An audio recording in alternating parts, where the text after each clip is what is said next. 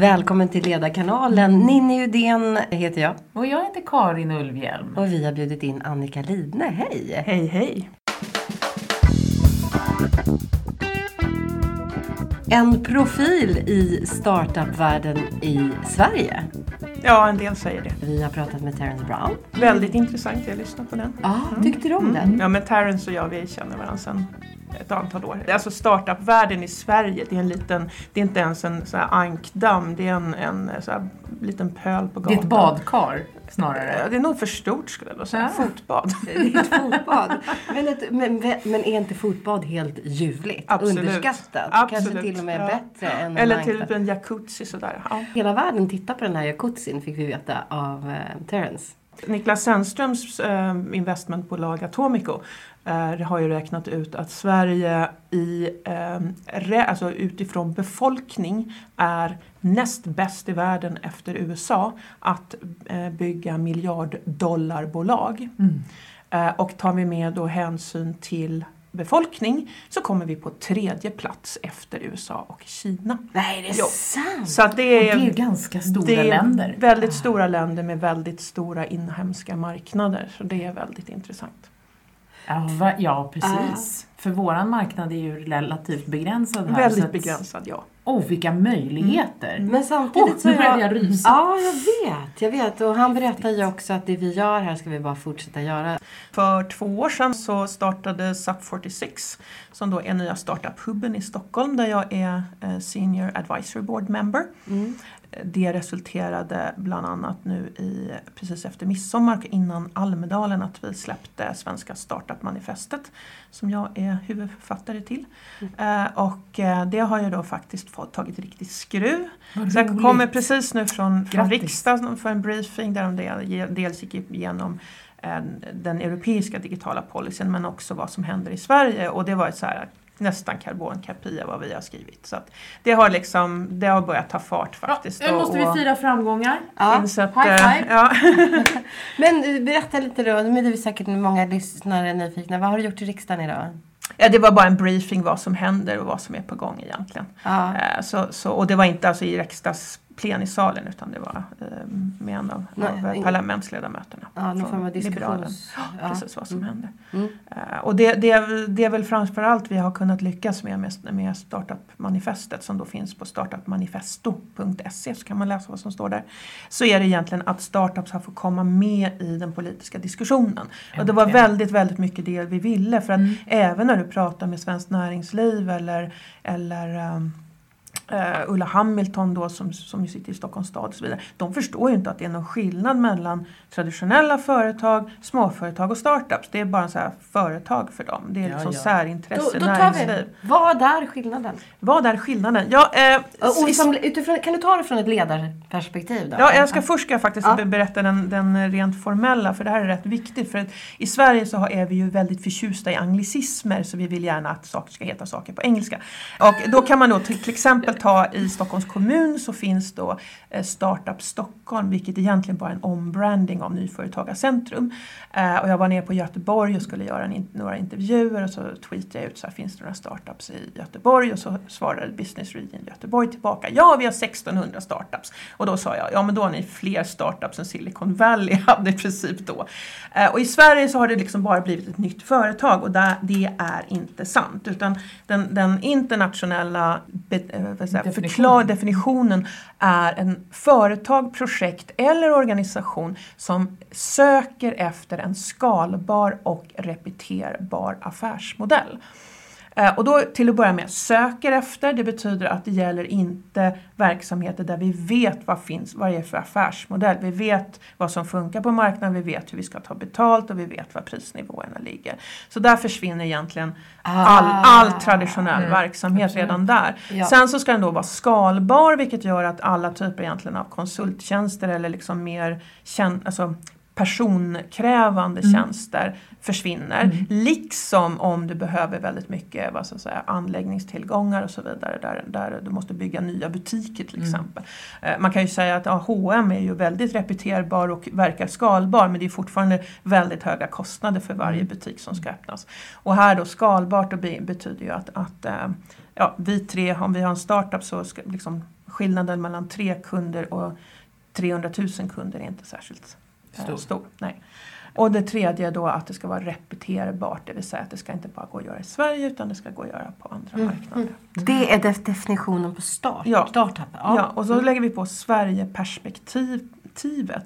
Eh, Och förklaringen som vi inledde med varför Sverige är så duktiga på startups så är ju det att Sverige har en pluttemarknad. Vi är en förort till Shanghai. Mm. Kom ihåg det. Liksom. Mm. Eller möjligtvis Bronx kanske, någonting i den stilen. Ja. Eh, och, och det gör ju det att vi måste från dag ett ut på en global marknad. Mm. Enda sättet du egentligen kan ha en, en, en startup som är huvudsakligen begränsad till Sverige, det är om du eh, ser till att Schibsted köper den. För Mm. de är nämligen väldigt, väldigt duktiga på att ta lokala koncept och skicka ut dem över, land, över världen. Så att till exempel Blocket finns ju under andra namn i vad är det, 48 Men länder. det här är lite local, glocal och Ja. global som Terrence Precis, pratade om. ja. Mm. Eh, Men jag dr- drar den då, för han pratar ju egentligen mer om entreprenörskap och Mm, jag är ännu, ännu mer eh, definierad där. Romatify som jag jobbar med nu är en um, SAS-plattform, alltså Software as a Service plattform för tv, film och scripted VR-produktion.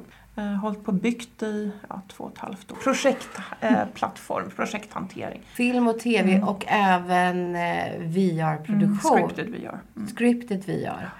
Det är som filmproduktion fast det. Ja, det kan man säga. Och det, är väl, alltså, det, det finns ju knappt kameror ens för det här idag. Så att, man kan säga scripted VR det är en liten sån här brasklapp för investerare. För det gör dem glada att höra att vi inte bara är så här gammal, Ja. gammal media utan vi ligger lite i framkant Och också. att ni skulle överhuvudtaget vara gammelmedia är ju intressant Ja, också. visst. Med den Men jag kan säga, jag, har, jag var i London på Power to the Pixel-konferensen för någon månad sedan och provade mycket av de här plattformarna. Jag kan säga det är som crack alltså. Det är Matrix, folk kommer bo i de här lösningarna. Är det så? Ja, ja, ja, ja, ja. Det, det, Wow. absolut. Men berätta, vad var det då? Vi Vad ha... häftigt. Nej men det var allt ifrån animerat till eh, film till eh, dokumentärt. Eh, New York Times har ju börjat med det Ja, bland annat. men den Ja. har jag ju till och med tittat Eh, på. och och eh, alltså det, det, nu, jag kan väl tycka att upplevelsen precis just nu, det är lite så här 80-talsvideo, det är rätt grälla färger, det är lite pixligt.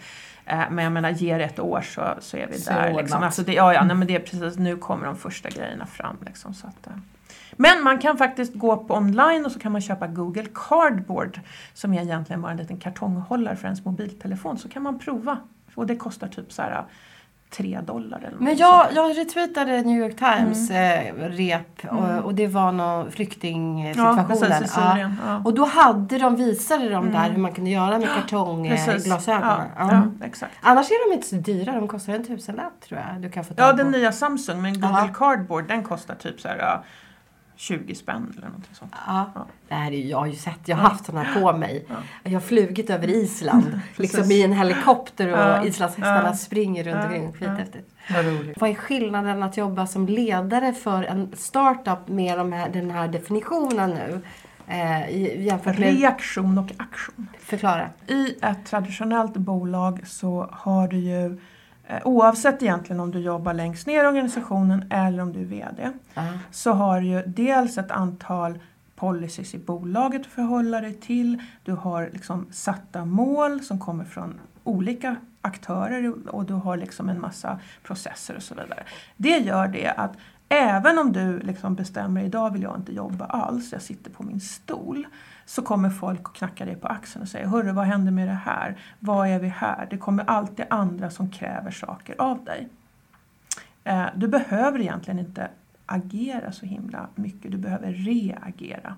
Medan i en startup, och det här gäller ju även egentligen i vilket nytt företag som helst, att gör du ingenting, stannar du i sängen en dag, då händer det absolut ingenting. Det vill säga, du behöver bygga upp allting i hela bolaget. Du behöver sätta strategier, du behöver sätta till att bara minsta lilla grej kommer på plats. Men också kunna agera och skaffa kapital och så vidare.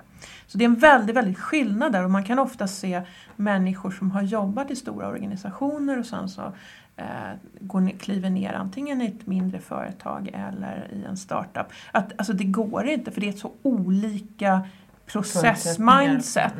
Mm. Eh, och man är inte riktigt van att vara så aktiv och så drivande för att någonting ska hända. Så det är en väldigt stor skillnad. Jag tänker också att det finns, på så vis så finns det ju en, en, en slags lathet, uttrycker, nu uttrycker jag mig lite plumpt, Mm. jag inser det, men att det finns en slags lathet när man har jobbat i stora organisationer. Absolut. Absolut. Därför att du har egentligen ingen, du har ingen aning om vad som kommer att behövas i ett mindre bolag. Du har liksom saker som du har bara tagit för Mm, givet. Visst, visst. Det är lite som att vi är födda här i Sverige i ett Mm. fritt land och vi tar en massa saker Ja. för givet. Du kan ju göra nya saker för du har inte en massa legacy i form av vi har alltid gjort så, kulturellt och mentalt. exakt. Mm. Eller i form av ren liksom, teknik och hårdvara. Mm. Så, så att du har mer, mer öppet spelfält. Det säger, du, det du beskriver nu, eh, jag hörde, eller tittade på ett, ett filmklipp eh, för några veckor sedan. En man från MIT som pratade om vad är det som någonstans skapar innovationer. Och det är ju lite kopplat till det du säger just nu. Han pratar mycket om att man måste eh, titta, titta, titta ut i världen och titta på sig själv och jobba mycket med sig själv och att reflektera eh, kring det. Och sen samverka tillsammans med andra. Mm. Att det är det det handlar om för att kunna bygga upp nya saker snarare än att eh, react. Mm. För att det är Mm. det som kännetecknar de typiska traditionella Mm. företagen. Mm. Jag skulle nog också vilja tillägga där att, att alltså, just nu så är innovation ett av mina absoluta hatord. det, För det kan betyda nästan vad som helst. Men det handlar ju också att, att man kan ta um, jättebra faktiskt exempel så är Funded by Me som är en svensk startup crowdfunding-plattform. Mm. Och de började egentligen som en svensk Kickstarter där du då kan crowdfunda produkter. Eh, och skälet till att de behövdes här så var det för att kunna, kunna crowdfunda någonting på Kickstarter så behövde du ett amerikanskt bankkonto i princip. Så det, det liksom funkade inte för svens, svenskar eller för svenska bolag. Och de körde igång det här och sen insåg de att, att USA har, ju, har man ju väldigt mycket högre disposable income, alltså tillgänglig inkomst. Mm. Vilket gör det att svenskar inte är särskilt benägna på att liksom förbeställa en produkt som kanske blir av. Mm. Utan de gjorde då en pivot till en pivot är... en pivot är när de ändrar företagsstrategin. Mm. Inte radikalt, man skruvar, Tweakar, ja. eh, tweakar på hela. Och det tycker jag väl skiljer större företag och traditionella organisationer. Där är lite grann att man vill hela tiden komma ut med en färdig produkt. Mm. Man är inte särskilt benägen att jobba tillsammans med marknaden. Nu pratar vi inte B2B utan mer större Mm, mm. bolag. För när man jobbar på mer enskilda B2B-lösningar där kan man ju jobba väldigt tajt med, Mm. med kunderna. Men, men just när man lanserar produkter då är det ofta det ska vara en färdig produkt. Liksom. Fast jag, det här pratar jag om. Jag har föreläst här under hösten eh, om eh, digitalisering och sociala medier. Och jag pratar just om det här paradigmskiftet. Mm. Eh, eh, där jag kommunicerar till större bolag Mm. att hitta innovativa sätt att eh, förändra de här strukturerna Mm, inifrån och jobba mer i re- realtid. Eh, lean startup, eh, alltså att du tar in Mm. och inte har en färdig tjänst att leverera utan Mm. lyssnar till Mm. marknaden. Jag ska säga det att jag, om man Tror du det går? Nej. Skulle vara, nej. du, du, du tror att de kommer bli utkonkurrerade? Ja, eh, alltså det finns några få exempel på riktigt stora bolag som har, har lyckats. IBM är väl kanske det bästa eh, exemplet som gick från väldigt tunga da- alltså, Kopieringsmaskiner väl? Ja, alltså in, internationella Mm. affärsmaskiner det är ju Mm. det man står för. Men också har väldigt mycket egen utveckling i form av stora serverprogramvaror och liksom tung implementering. Till att bli egentligen bland världens bästa open source-konsulter. Och det är en jätteresa de har gjort. Va? Ja, förvandling. ja, men det är en jätteresa de har gjort och det har varit en väldigt tydlig resa. Men i de säga, allra flesta bolag så faller det på dels på ledningen för de ser väldigt kortsiktigt. Du har kvartalsrapportering eh, vilket gör att man vågar inte satsa på nya saker. Man vågar inte, du har den här som, som Clayton Christensen skriver om i eh, Innovators Dilemma. Det vill säga att man vågar inte kannibalisera på existerande produkter.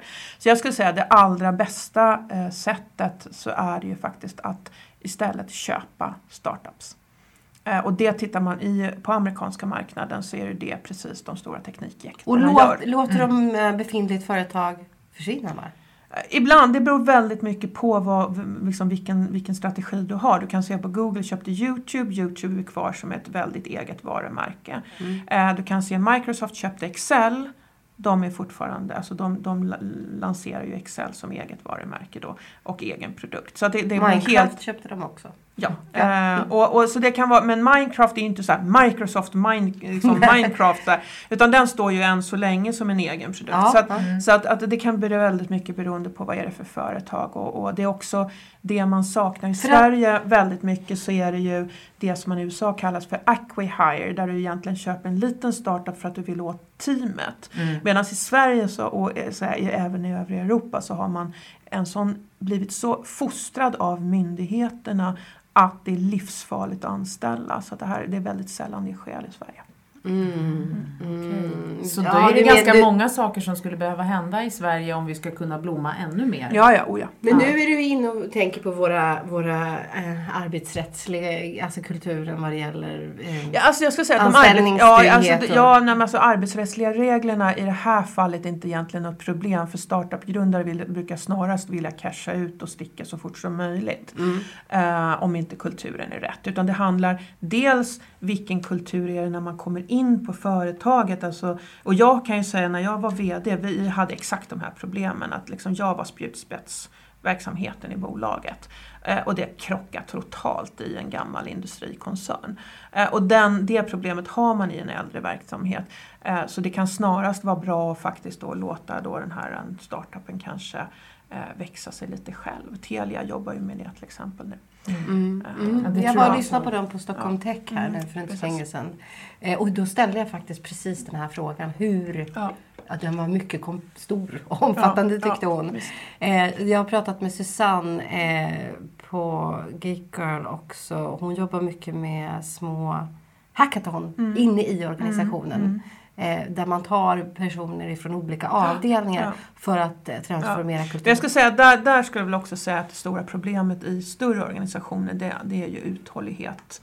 Eh, att det blir väldigt, alltså det tar ju så 30 dagar för, en, för, för att ändra någonting och få det att bli en vana. Mm. Ja, ett tre månader. Ja, eller tre månader till och med. Mm. Eh, och du fattar det här uppe, ja, sen ska du få in visst, det och i de flesta företag så är det så här, vi har jättemycket att göra, vi har jättemycket att göra, vi har jättemycket att göra. Och sen kommer någon chef och säger åh nu ska vi hålla på med sociala medier eller vi ska ha hackathon och så vidare. Ja det blir en kul grej så här men, men man får ändå inte in det i den vanliga verksamheten. Nej. Och de som får in det i den vanliga verksamheten de ger ju också utrymme för det är ju någonstans, det är precis mm. som inom mm. politiken. Susanne Fuglesang ska ja, säga. Det, spel, mm. det, spelar ingen roll vad, hur goda förutsättningar du än har mm. om du inte har budgetmedel att genomföra det. Nej. Det här handlar om överlevnad. Alltså du ja, kan fast... inte vara så det här är fakta. Marknaden rör på sig och förändrar sig. Men där har du alltså i väldigt många bolag så har du eh, ledarskapsproblemet med att jag sticker om två år, det är inte mitt problem. Då är man ju inte utvecklingsdriven. nej, nej, men det, folk är utvecklingsdrivna utifrån sin egen karriär och sin egen plånbok. Oh, det är precis, oh, du tar ju orden ur mun på mig. Men det är, det är lite, det är lite jobbigt att höra dig bekräfta det, därför att det är precis den upplevelse jag har när jag har jobbat med mm. ledningsgrupper. Att det är ett otroligt revirpinkeri mm. och att det är paktbildning mm. och kan jag tjäna på att jobba ihop med mm. dig, då gör jag det. Men det är egentligen inte, okej, okay, vart ska vi någonstans? Mm. Vad är det för någonting vi vill skapa här? Vad är det? det mm. den, den tanken är, föresvävar få. Men jag, det är därför jag jobbar med startups. Ja, men och samtidigt som jag i och för sig kan se, det är naturligtvis så att det skiljer sig fundamentalt mm. i olika organisationer. Mm. Och ibland mm. så, så är det ju så att man bara vill, liksom, man mm. nästan blir frälst. Men, men, men, men det, det, är ju också det att om man jämför Sverige då med USA så är det ju också det att vi har ju, alltså Tittar man nu börsmässigt så har i princip inte kommit ut ett enda stort svenskt företag sedan andra, eller innan andra världskriget. Mm.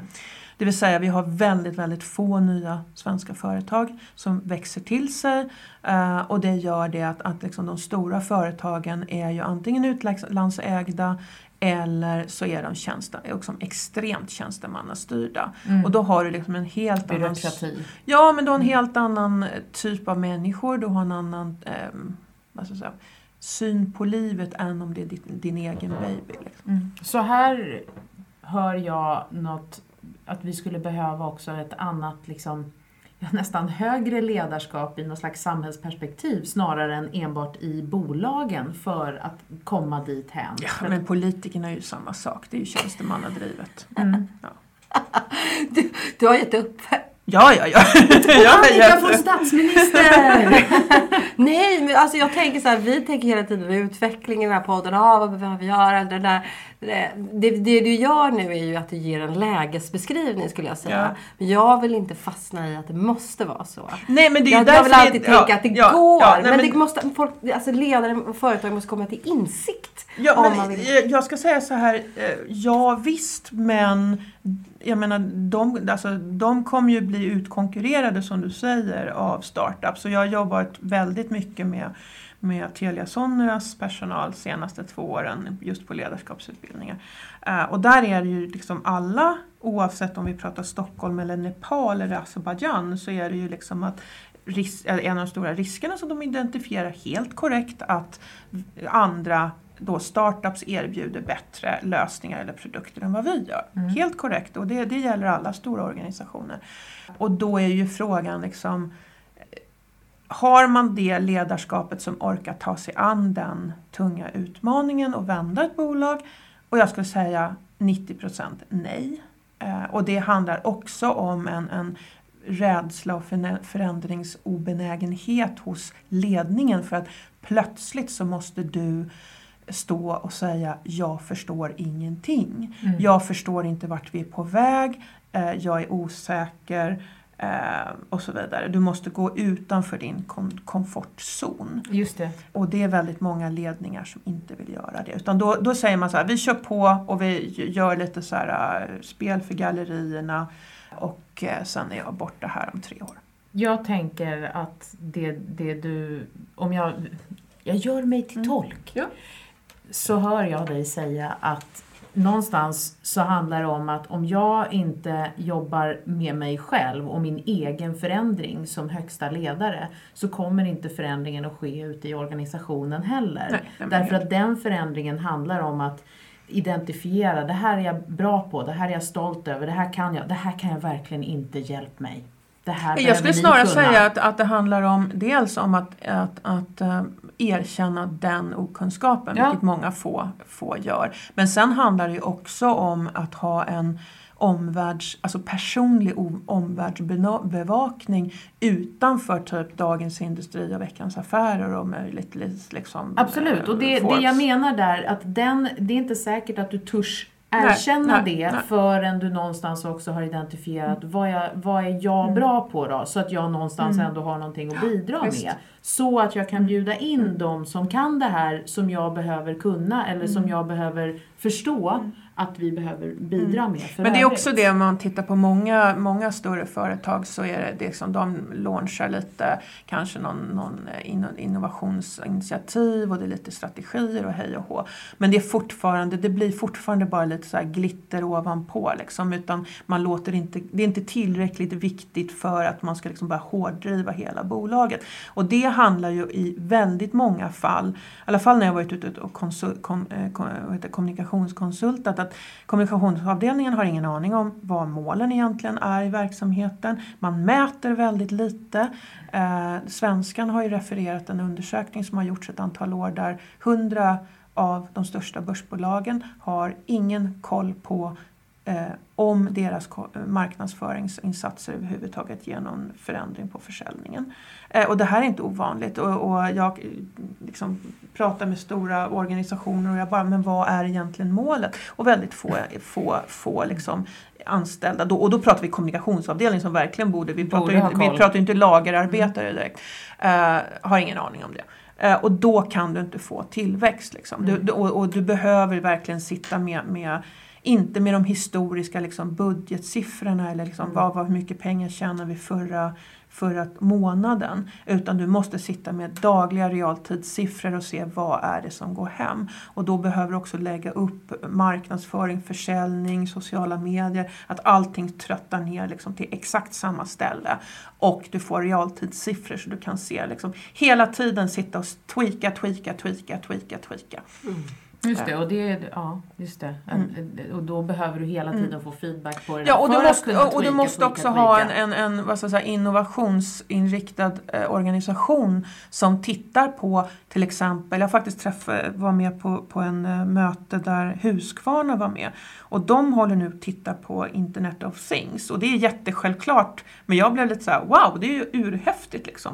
Eh, för det är klart att har man gräsmatta så vill man att den klipper, klipper sig själv liksom, mer eller mindre. Och det är mycket grejer och där, där handlar det om att liksom, det de ser det, det är deras överlevnad framöver. Mm. Och då måste man ner med det där ordentligt. Du, tre saker som du tycker är det här är de viktigaste grejerna att jobba med i ledarskap i startups? Alltså startups, jag, jag, eller jag, jag, ja, jag bara göra en liten paus där. Ja. Därför att startup det kan vara som, som Dramatify just nu. Eh, jag och min co-founder, vi har en tredje på gång. Vi håller på med produktutveckling och finansiering. Det är en väldigt, väldigt liten organisation. Mm. Eh, det är en helt annan sak när det börjar komma ut att okej, okay, bolaget får inte plats i största konferensområdet och varje personalmöte tar fyra timmar för att alla Liksom, ska det, ska, ja, men det ska avhandlas och så vidare och då har du helt andra problem. Mm. Eller om du pratar Spotify som har 1500 anställda och det fortfarande räknas som en startup. Mm. Så det, det är liksom, säg ett startup-program, då kan vi hålla på med en podcast i en vecka. Eh, men, ja, men du, det gör vi. Ja, absolut, det kan vi göra. Mm. Eh, nej, men jag skulle säga som ledare, mm. eh, eftersom vi vet också att eh, många medarbetare tycker att att eh, svenska chefer, eh, det är en, för det första en väldig skillnad mellan chef och ledare. Eh, och chefskap och ledarskap. Eh, men många medarbetare säger att de tycker att svenska ledare är konflikträdda. Jag ska säga så här, gör någonting du är rädd för varje dag. Gå utanför, mm. utmana din komfortzon varje dag. Um, sen när man jobbar just med startups så gäller det att vara lite jack of all trades. Och du måste verkligen eh, göra, kunna liksom vara generalist. Du måste kunna göra väldigt mycket saker på en gång. Eh, och ta tiden att lära dig det. Eh, jag ser väldigt mycket folk som man, man har eh, väldigt begränsade liksom så här praktiska skills i det man behöver kunna. Ehm, så det gäller att utmana sig själv med. Um, vad var det tre? Vad var det? Tre det saker. Två. Ja. Nu ska du säga tredje. Tredje. Um, och jag sitter bara och tänker innan, för det här blir avslutet, att vi mm. täckte in här nu också how you go about, för det var så jag började. Mm. Det har vi gjort. Mm. Ja. Mm. Vad skönt. Ja. Check i den. Mm, check på ja. den. Men sista. Um, sista. Uh, vad är du mest läs, läs minst en halvtimme till en timme om nya saker varje dag. Mm. Eller lyssna på podcast. Just det, och in, eller ja, hur? Ja. Och, och, läs då kanske inte Dagens Industri utan läs Nej, jag menar alltså, läs om, bok, läs... Nej, nej, nej, jag ska säga så här. Läser du svenska medier så forget it liksom. Mm. Då kommer du stanna i den här lilla ankdammen. Uh, du måste ut och titta på vad händer på... Jag menar, idag är vi en global marknad. Och jag kan säga som, som min lilla startup, vi har inte ens launchat än. Vi har användare i 30, över 30 länder. Eh, och jag har bättre lycka med, kan jag säga, med Australien och Sydafrika än med Sverige. Hur mycket reser du per år runt? Jag vet inte. Kanske ja, sex, åtta veckor. Och sånt där. Sex, åtta veckor på. Vilka länder finns ni i? 30 länder? Du? Ja, plus 30 länder. Vi tar all comers, det är bara att anmäla sig. Så, så det, det är ju just film och TV är en väldigt internationell industri. Så det är inte bara att du behöver åka runt till varje liksom, land eller varje marknad utan du träffas, du åker ner till Cannes och så träffar du folk från hela världen.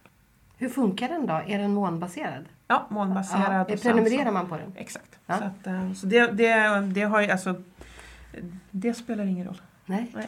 Ja, men det, det, var ju det där jag kände när jag sa att nu har vi fått veta. Men ja. det hade vi inte för det var lite frågor till. Men Precis. vi kan hålla på jättelänge. Ja.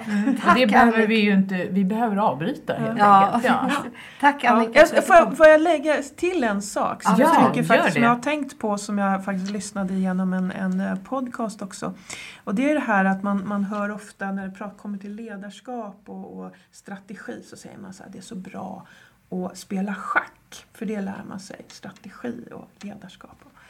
Eh, och så lyssnade jag på en podcast med Mark Divine som in, trots namnet inte är porrstjärna utan han är tidigare, eh, tidigare eh, chef för, eller com commander av Seal Team 6, amerikanska alltså, som är, är, var ju de som hittade eh, bin Laden bland annat. Eh, och han sa det att det är den gamla, den här hierarkiska ledarmodellen vi hade förr i tiden.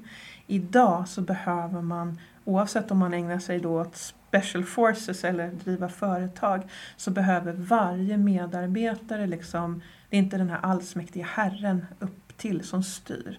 Utan det är mer likt på spel som Go eller liknande där du hela tiden håller massor med löpande trådar i gång. Mm, och mm. varje medarbetare, eller i hans fall då eh, teammedlem i SEAL Team 6, måste kunna fatta beslut i varje given sekund. Ja. Så det handlar väldigt mycket liksom den, den nya paradigmen och jag, jag måste säga, jag tittar väldigt mycket på vad gör amerikanerna i sina special ops team? För det är jättespännande. Sen om det handlar om ledarskap, om det handlar om kost.